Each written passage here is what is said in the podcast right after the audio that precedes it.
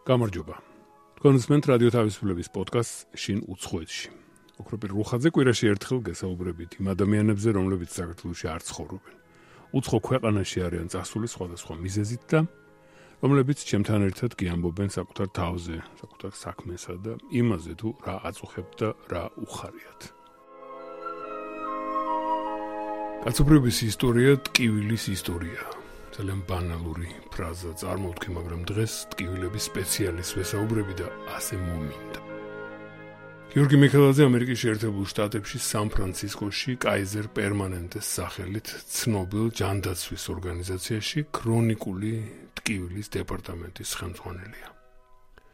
ტკივილი იმ არსებებისთვისებაა, რომლებსაც აქვთ შეგრძნებები. არსებობს წარმოდგენა, რომ ტკივილის განცდა შეუძლიათ მცენარეებსაც, მაგრამ ამ შეხედულებას მეცნიერება მგონია არ იზიარებს.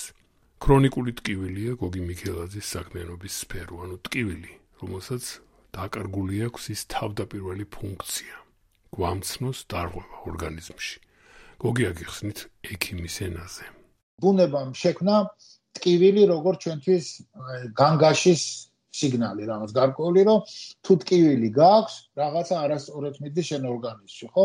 აი მაგალითად ფეხზე გაქვს პატარა მოტეხილობა ძალიან მარტივი მოტეხილობა რომელიც არ არის საშიში ნუ მოტე ტკივა და ორგანიზმი გეუბნება რომ არ დაადგა ეს ფეხი არია რომ ამ ფეხით იმიტომ რომ შეიძლება ეს ჩაოლებრივი მოტეხილობა გადააქციო ძალიან ძიმე მოტეხილობად ხო? ისე აქ ეს ინფორმაცია აზრიანი არის და ჩვენთვის კარგი არის ამ ინფორმაციის მიღება იმიტომ რაღაცებს გვასწავლის აი ქრონიკული ტკივილის დროს უკვე ყველა დაზიანება მომხდარია და ამ ტკივილის არავითარი ინფორმატიული მნიშვნელობა აღარ აქვს.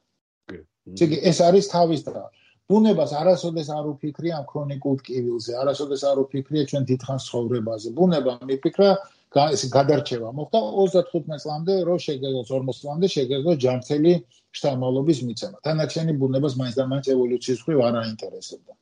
ეს ქრონიკული ტკივილიც ისეთი რაღაცა არის, რომელიც არ ძდება, არავითარი გეონები ფასეული ფუნქცია აღარ აქვს და ამიტომ აი თუ ადამიანს წელით კი ივა და რაღაც დაზიანებულია, ოპერაციას რო გაუკეთებენ, ის მოშორდება და აღარ ექნება იმათ. აი ქრონიკული ტკივილი უკვე სულ სხვა რამე არის და იმის გამო რომ ყველა ამ ქრონიკულ ტკივილს რაღაც ძალიან საერთო მახასიათებლები გააჩნია, როდესაც ეს პერიოდი რაღაც 5-6 თვის განმავლობაში არის ტკივილი, მე აღარ აქვს მნიშვნელობა ამ ტკივილის მიზეს, წარმოქმნას.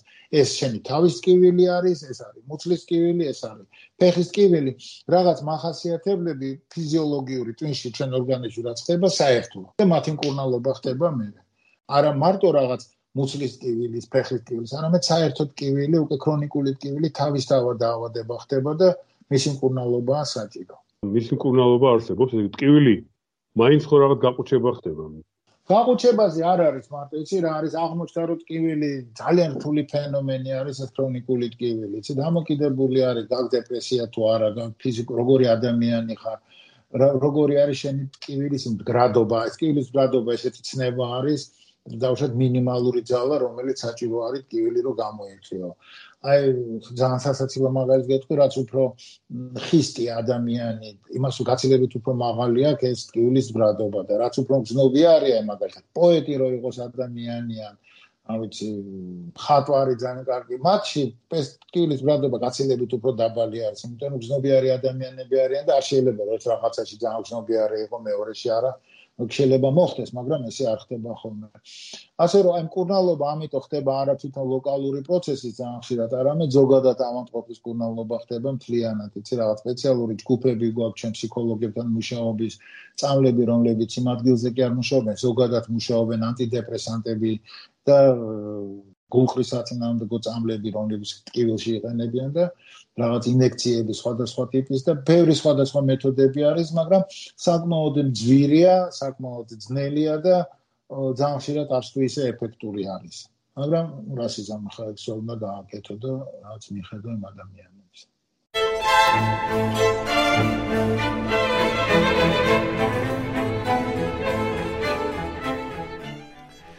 ჩემთან მოსაუბრე 29 წელიწადია ამერიკის შეერთებულ შტატებში ცხოვრობს.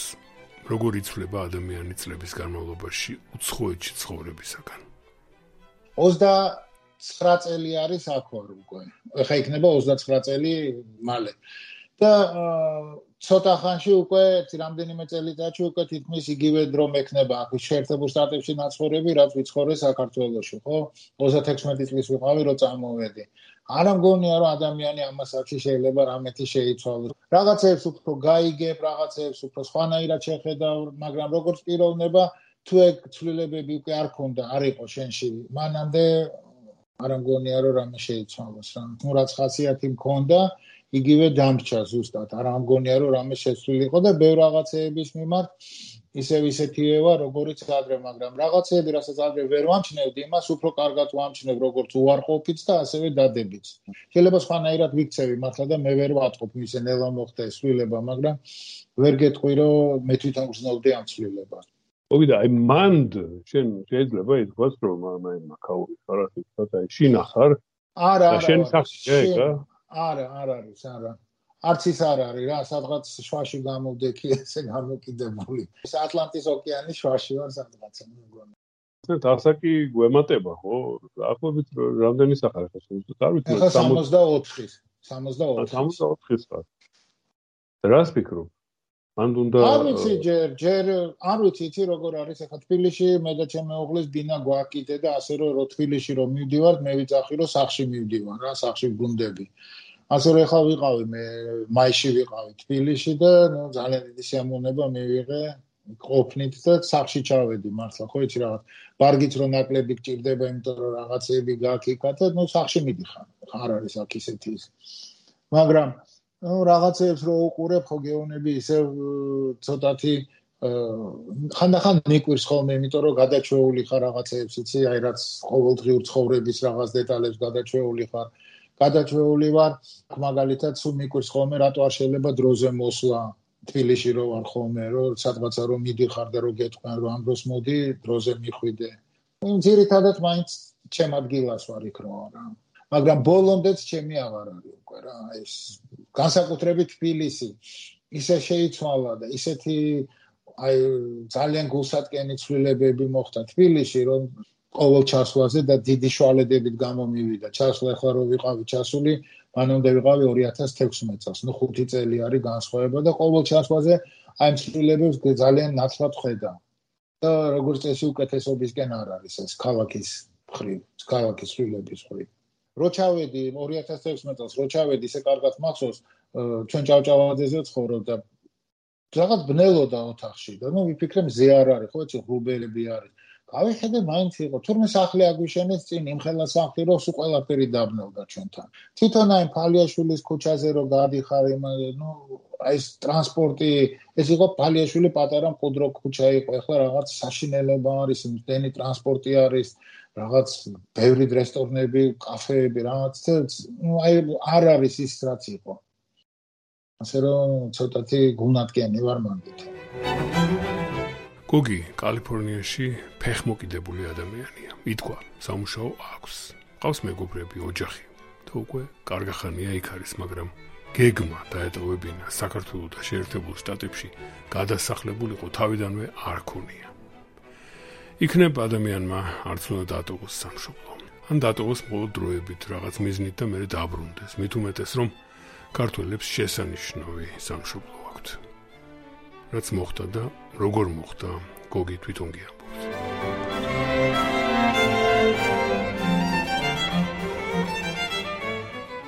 ძალიან ხშირად ვფიქრობ ხოლმე მაგაზე და ეხლა ერთ რამე მინდა გითხრა მე რო წამოვედი აქ ეს იყო სულიად აი მოულოდნელი არც მიფიქრი არასოდეს ცხოვრებაში რომ ამერიკის შეერთებულ შტატებში გადავიდოდი იქ დავიწყებდი ცხოვრებას იმიტომ რომ თვითონ ეს გამოცდებზე მითები იყო რომ ძალიან ძნელი არის, ძალიან ძნელი ამ გამოცდების ჩაბარება და არც მიფიქრია მაგაზე და ჩემი უღლე შესთავაზეს მერილენდის უნივერსიტეტში მუშაობა, ესე მოწვეულ პროფესორად და 6 თვით წამოვედი სულდა, ნუ ამერიკაში არ ყოფილა არასოდეს ნაყოფი, მეც მინდოდა ნახვა და გამოგვიშვეს და ჩამოვედი და ჩვენ რო წამოვედი თბილისში კიდე სინათლეც იყო და ნუ ნორმალურად მუშაობდა ყველაფერი შედარებით. სექტემბერში წამოვედი. ზამთარი იყო საშინელი და ნერე აქ ესე რომ შეიცვალა ყველაფერი, ჩემს კიდე შესთავაზეს 2 წელი გაუგზელეს და ამ პერიოდში მეც გადავწყვეტე მეცადა ამ გამოცდების ჩაბარება. ისე კარგად მახსოვს თვითონ ის მომენტი, როცა გადავწყვიტე ციგნი დავინახე, სადაც ეწერა რომ ამ გამოსტებისთვის მოსამზადებელი ციგნია და სრულიად საკმარისია ჩასაბარებლად ეწერა ციგს რეკლამის სახით, ხო იცი და და მაშინ გადავწყვიტე ამ გამოსტების ჩაბარება ზუსტად. ეხლა ერთი მხრივ ძალიან კმაყოფილი ვარ იმით და ეს უფრო ისე გეონები მატერიალური მიზეზებით იყო გამოწეული მხოლოდ ამ მხოლოდ დედაჩემო რომ მომწერა რომ სინათლე არ არის, ფული არ არის, არაფერი არ არის, ძალიან ძიმე არის ცხოვრება. ну რაღაც მაშინ გადავწყვიტე და ერთი მხრივ ის არის დიდი პლუსი რომ იქ აქ რო არ წამოსულიყავი არ მეწოდინებოდა რამდენად უვიცი ვიყავი როგორც ექიმი თუ შტერი არ ვიყავი ხა თბილისშიც რო ვიყავი და ძალიან ცუდ ექიმად არ მაშინ არ ვთქვებოდი მაგრამ აღმოჩნდა რამდენი ცოდნა თურმე არ მქონია იმისთვის რომ კარგ ექიმად მემუშავა ამას ძალიან დიდი მადლობელი ვარ და ნუ შემდგომი განვითარებაც რაღაც კარგად მოხდა. არ არის ეს ის. და აი ეს ცოდნა არ გადმოხდეს სათანადოდ თუ რა მანდროგორი ჩემი აზრი მაგაზე მიფიქრია ბევრი და გეტყვი. 1950 წლამდე 40-50 წლამდე განსხვავება დასავლეთის და საბჭოთა მედიცინას შორის თითქმის არ იყო. რაც კეთდებოდა იქ იგივე კეთდებოდა საბჭოთა კავშირშიც და თითქმის განსხვავება არ იყო. მერე თანდათანობით მოხდა ეს გახლეჩა. და ერთ-ერთი მიზეზი ჩემი აზრით სადოქტორო დისერტაციები იყო მედიცინაში, იმიტომ რომ სადოქტორო დისერტაციას ჰქონდა ესეთი მოთხოვნილება, რომ რაღაც ახალი უნდა ყოფილიყო მეცნიერებაში. ახალი მეცნიერებაში საუკუნეში 5-6 კაცი აკეთებს სულ და საქართველოს საბჭოთა კავშირში 5000 დისერტაცია ეწვებოდა სადოქტორო მე მგონი წელიწადში და ამდენად მე იმეთი დანერგვა უნდა მოხდარიყო აუცილებლად ამ სამედიცინო რაღაც ახლებების და იმის და ამის დანერგვა ხდებოდა და ნუ ბუნებრივი ეს არ იყო სიმართლესთან არაფერი შეხება არ ქონდა და აი ამან მე მგონი ძალიან დიდის გამოიწა მე ბატერიალურმა ბაზამ კიდე კომპიუტერები რო შემოვიდნენ ამანაც ძალიან დიდი განსხვავება გამოიჩინა და ესე ნელ-ნელა მოხდა ეს განხეთქილება აი მწოდნას და ამ მწოდნას შორის. გოგი მიქელაძესთან საუბარში ბუნებრივია მედიცინაზე ბევრი ვიბა ასეთ. მედიცინა საქართველოში, მედიცინა ამერიკაში. საერთოდ, როდის შეიძლება ითქვას, რომ ამა თუ იმ ქვეყანაში კარგი სამედიცინო მომსახურება, კარგი სისტემა, რა ამისთვის საჭირო? ჯამში დი ყველაზე მთავარი განსხვავება ჩვენს და ამერიკულ მედიცინას შორის არის საშუალო დონე. საშუალო დონე შეერთებულ შტატებში გაცილებით უფრო მაღალია და საშუალო დონე განსაზღვრავს იმ თავარ პარამეტრებს, რომელიც მედიცინამ უნდა მისცეს მოსახლეობას. ეს არის სიცოცხლის ხანგრძლივობა, რაღაც დაავადებების პროფილაქტიკა და ასე შემდეგ. ეს საშუალო დონეზეა, თორემ ეხლა თავის გადანერგვა თუ შეუძლია ვიღაც ქირურგს თბილისში და მსოფლიოში ამას არა მეტი არავის არ შეუძლია, ეს თვითონ მედიცინაზე, როგორც ესეზე მთლიანად საქართველოს მოსახლეობისთვის არავითარ გავლენას არ მოახდენს.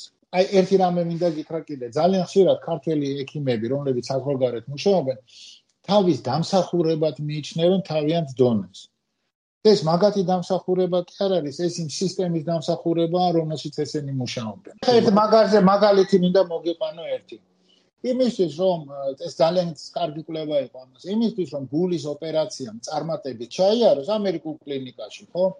ოპერაციის კარგი გამოსავალი დამოკიდებულია მინიმუმ 200 ადამიანზე. ახლა ეს არის ქირურგი, რომელიც 200 ადამიანს. ეს არის დამოკიდებული იმ დამლაგებელზე, რომელიც ოპერაციას, საოპერაციო წინაღამით გარეცხავს კარგად. თუ არ გარეცხა კარგად, ბაქტერიები ისიქნება. ეს არის დამოკიდებული, რომ ანალიზი დროზე წაიღო ვიღაც სანიტარმა ერთი ადგილიდან მეორეში. ეს არის დამოკიდებული იმაზე, რომ ვიღაცამ სტერილიზაცია კარგად გაუკეთა ხელსაწყოს. ხო გესმის რას ვამბობ? ეს ის არ არის ერთი ადამიანის პროდუქტი.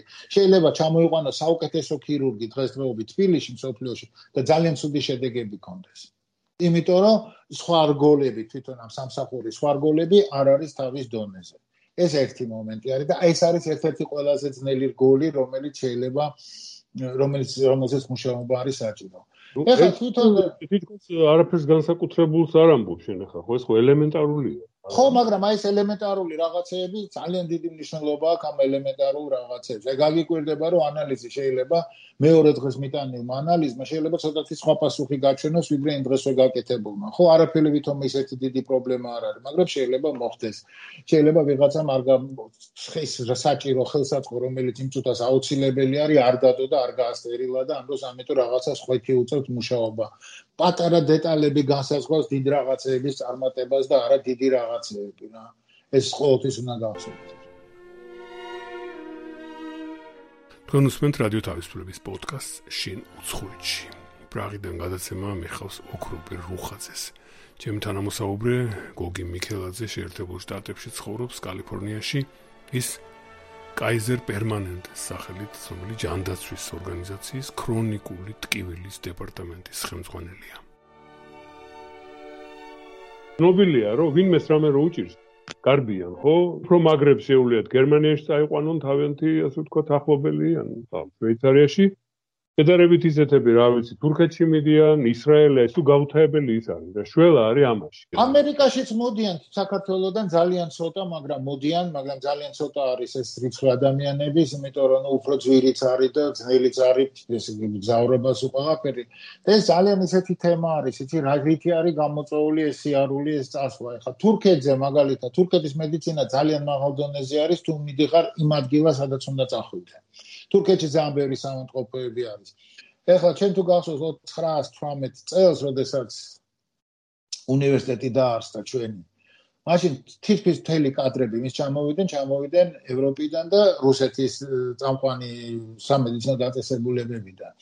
და ნუ ახლა თერგალეულებს რასაც ეძახოდნენ ადრე თერგალეულები დაბრუნდნენ უკან შეიძლება იმას სხვა გამოსავალიც არ ქონდა და უნდა დაბრუნებულიყო მაგრამ ფაქტია რომ დაბრუნდნენ საქართველოში და იქ აკეთებდნენ თავის საქმეს ახლა ჩვენ შემთხვევაში ესე რო ვთქვა რომ გავთქვა ოკეან გალეულებს ან რა ვიცი რაც კიდე დავწახე ოკეან გალეულები ესეთი პატრიოტები ვერ აღმოჩნდით.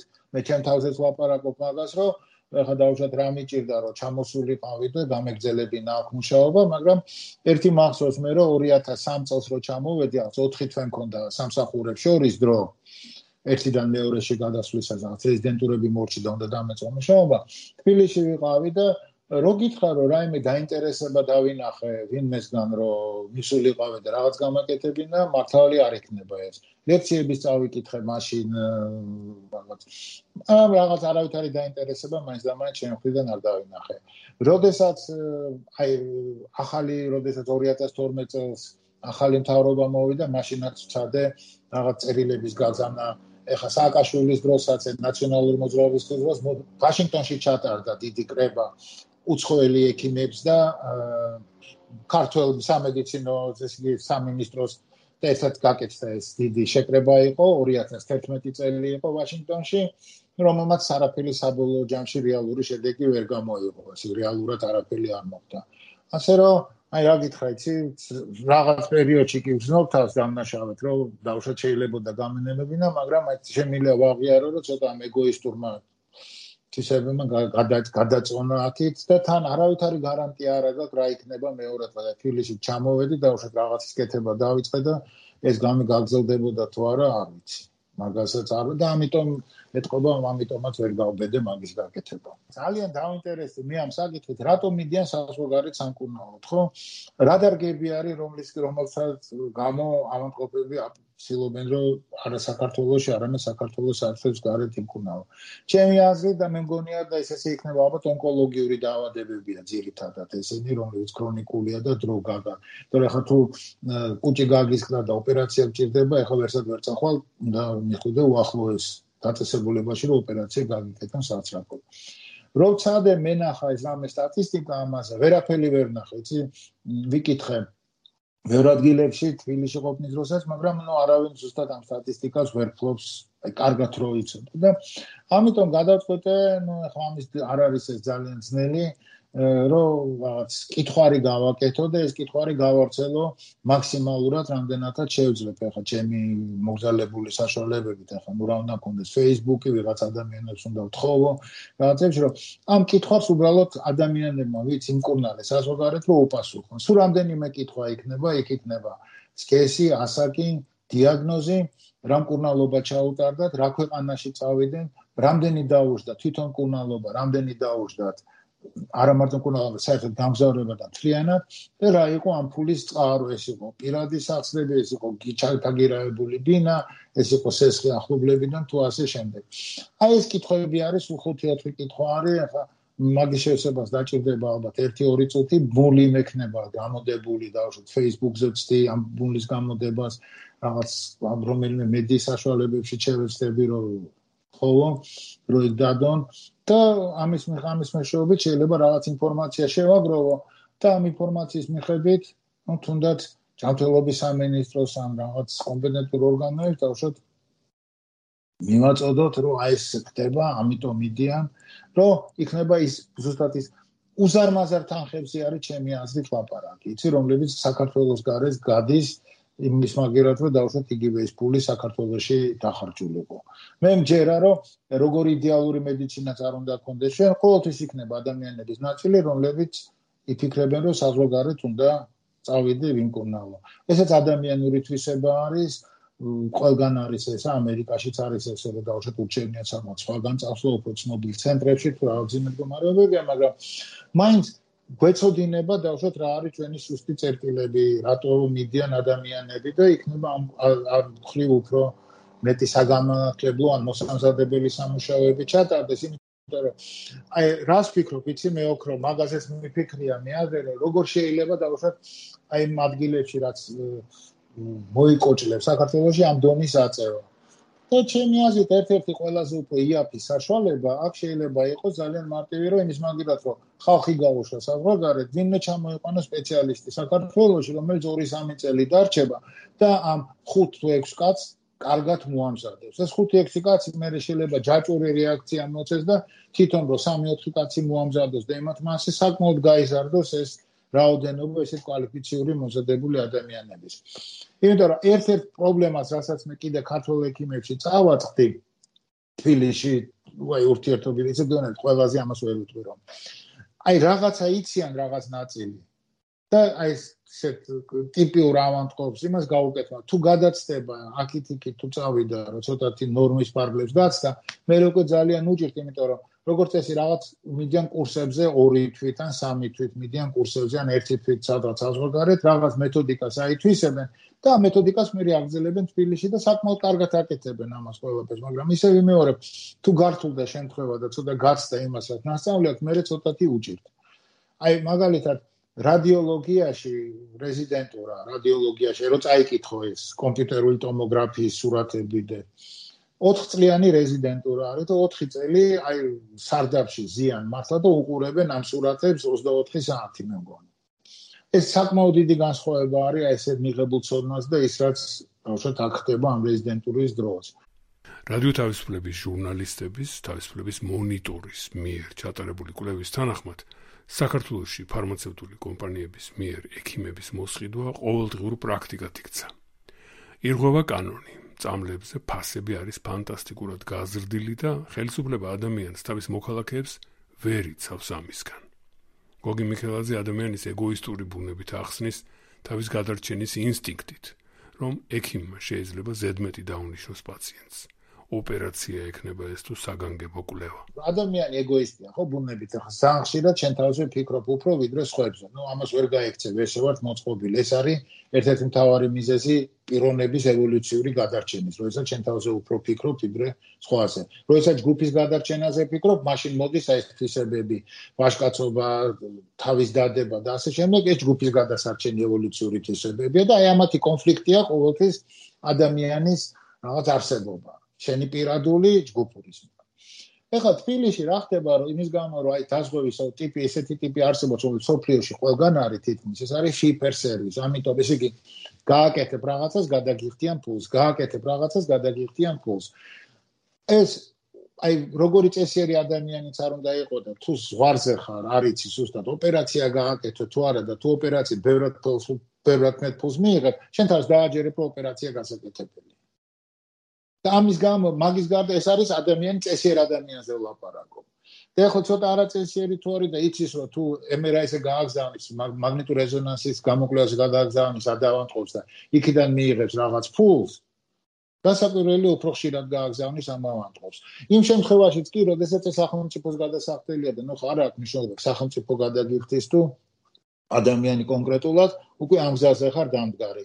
ერთი პერიოდი ახლა იმის გამო რომ თბილისში სამთავრობამ გააკეთა რომ რეანიმაციაში რამდენიმე დღე სახელმწიფო ეხტი და მომრავლდა ეს რეანიმაციული საწოლები უამრავი გახდა რომ ადამიანებს აწვენდნენ ყავდათ იქა და ნუ პირველ ხუთ დღეს მე მგონი სახელმწიფო ეხტი და მე შენ უნდა გადაგეხადა და ხა ხელოვნურ სუნთქვაზე საქართველოში გათიშვა ხელოვნური სუნთქვის ძალიან ძნელი წარმოსადგენია. იცი აქ ხდება იოთ გეტყვიან რომ აზრი აღარ აქვს ამ ადამიანის ცხოვრებას იმიტომ რომ აბსოლუტურად კომატოზურ მდგომარეობაშია და ამ ახლობლები იყვნენ რომ კარგი გამორთეთ. ჩვენთან ცოტა ძნელია მაგის გაკეთება. პირდაპირ ეუბნებოდნენ, მე ვიცი რამდენიმე ჩემი ახლობელი რომ რა მოვკლათ, ექიმები ოკეუბნებოდნენ ავანტყოფის პატრონს და ისინიც ისეთ მდგომარეობაში ვარდებოდნენ რომ ხო არა არა გავაგზელო და ვალებს იფერდნენ და რაღაც ის ხდებოდა.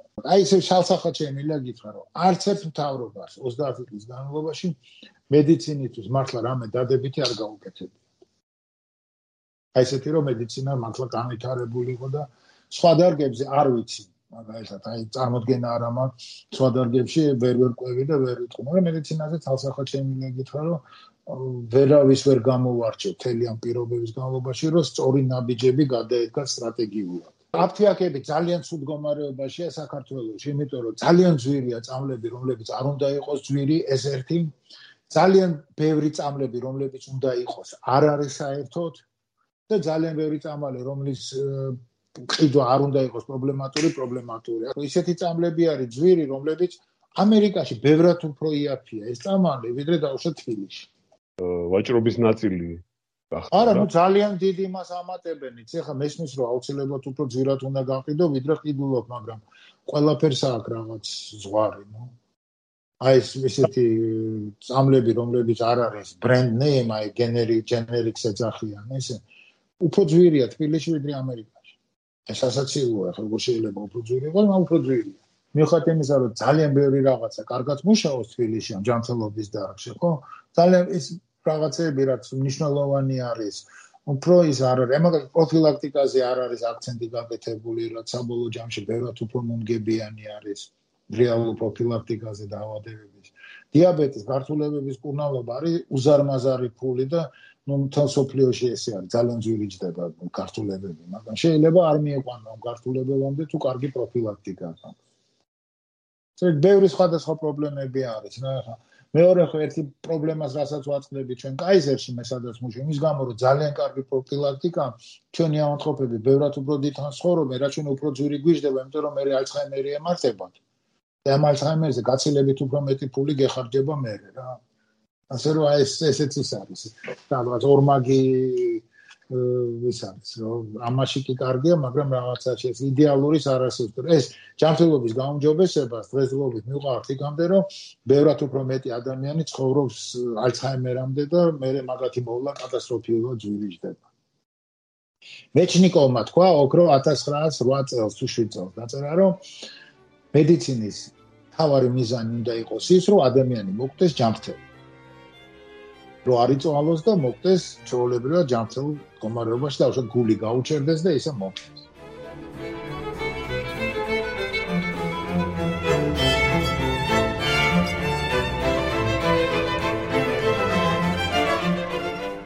თავის ორგანიზაციაში კაიზერ პერმანენტეში მიღებულ საფინანსო თუ სადაზღვევო მოდელზე გვიამბობს გოგი მიქელაძე. ანუ იმაზე, როცა ადამიანს წინასწარ მცირე თანხის გადახდა უფრო აძლევს ხელს ვიდრე ინდივიდუალურად უშუალოდ მკურნალობის დროს თუ მედიკამენტებისთვის ხარჯის გაღება. აი ასეთი პრეცედენტი საქართველოში დიდ ჩიხაისშიც ყოფილა. არის სისტემები, რომლებიც ამ მომენტს გამორიცხავს. ეს არის სისტემა, რომელსაც ქვია წინასწარ გადახდილი დახმარება ქვია, აი ეს არის Kaiser Permanente, მე რასაც მუშაობ.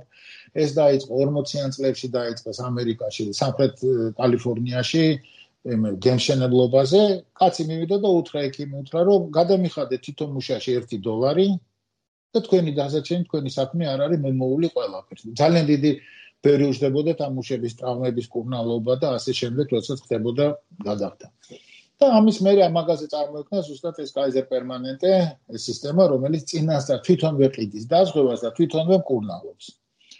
და საინტერესოა მე ვილაპარაკეთ ზუსტად რადიო თავისუფლების მეშვეობით და ჯინჩერ რეხვიაშვილს ქონდა წერილი ძალიან კარგი და იქ წავიკითხე რომ ივანე გომართელს ცნობილი ქართველი ექიმი იყო ესეთი 1903 წელს დიდ ჯიხაიში გაუხსნია ესეთი ტიპის დახმარება. უთხრა გლეხებს, რომ გადამიხადე წელიწადში 3 თუ 4 მანეთი და მთელი წლის განმავლობაში რაც არ უნდა დაგჭირდეთ, ყველაფერს გაგიკეთებთ. წამალს, კურნალობას და სუყელას.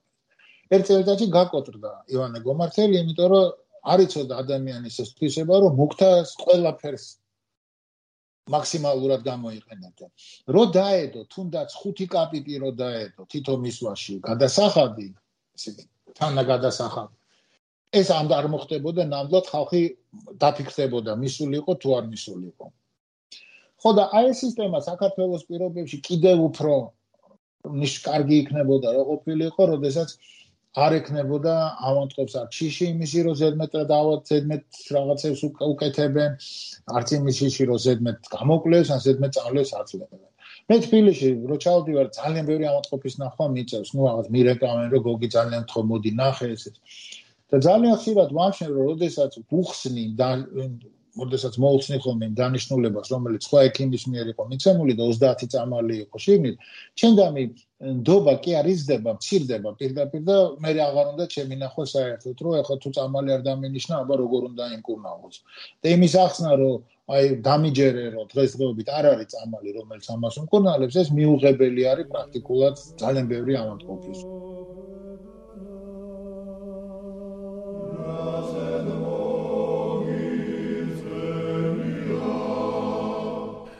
გოგი ერთ-ერთი იმადგანი იყო, ვინც 1978 წელს, როცა საქართველოსში ეროვნული მოძრაობა ცდილობდა ლეგალურ საქმეებში ჩართულიყო, ისტორიული ძეგლების აღდგენაში მონაწილეობდა. ჩვენი ჯგუფი მაშინ პირველი იყო ამ მოძრაობაში და კახეთში, უჯარმაში ისტორიული ციხესიმაგრის აღდგენაზე განგვამწესეს. ეს ის დრო იყო, როცა ახალი მომხდარი იყო ასე ვთქვათ ლეგენდარული 14 აპრილი. ქართული ენის სახელმწიფო ენა დატოვების მოთხოვნის გამო მასობრივი გამოსვლის დღე. რამაც იმპულსი მისცა ძეგლების აღდგენის მოძრაობას რომელიც შემდგომ გაიშალა და გაფართოვდა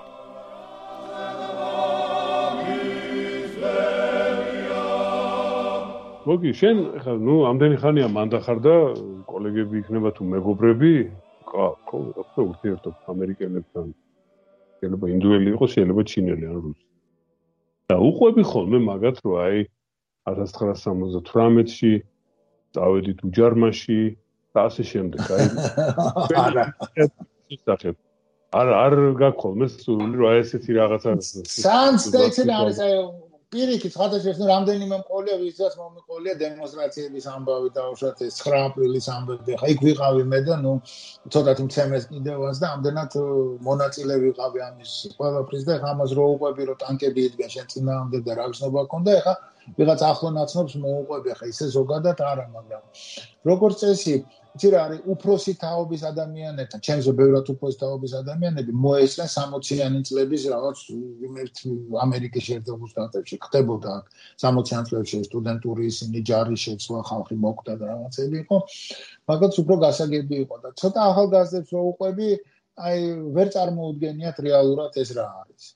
და გისმენეს დილობიანად, ეხლა ვიღაცას მეტი ესმის ვიღაცას ნაკლები მ საერთოდ როგორც ყველა დიდერს, ყველა დიდ სახელმწიფოს პატარა იმების ნაკლებად აინტერესებდა, ნაკლებად იციან პატარა ქვეყნების შესახებ. ბევრი რაღაცეები, რასაც მე უსინ ხოლმე, ну, ხშირად გაუგებარი არის. უცხოელებისთვის ძალიან გასაგებია. აი უცხოელი ექიმები ვინც არიან და ძალიან ბევრი არიან, ჩემს გარშემო ვინც მუშაობენ, იმათთვის გასაგები არის ეს. და ასე რომ იმათთვის უფრო და ამერიკას რომ მოუყვები რომ 78 წელს ქართული ენის გამო რაღაც მოხდა და რაღაცა ცოტა შეიძლება თუ ისეთ ისეთი ადამიანი არის დაინტერესოს და მოგისმინოს, მაგრამ აღარ ვიხსენებ, რომ დამჭირებოდა ამის მოყოლა და ახსნა. თუმცა ჩემთვის ძალიან ისეთი დრო არის, კარგად ვიხსენებ ხოლმე ზაფხულსაც და ყველაფერს ძალიან კარგი მოგონებია. ეს იყო რადიო თავისუფლების პოდკასტი შინ უცხოეთში.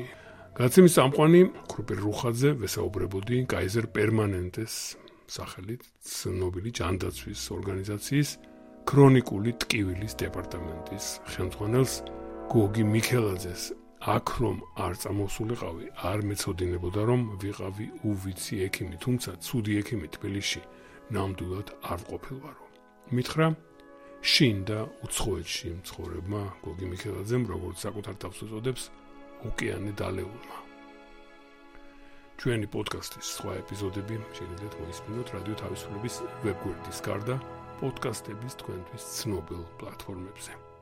ნახვამდის.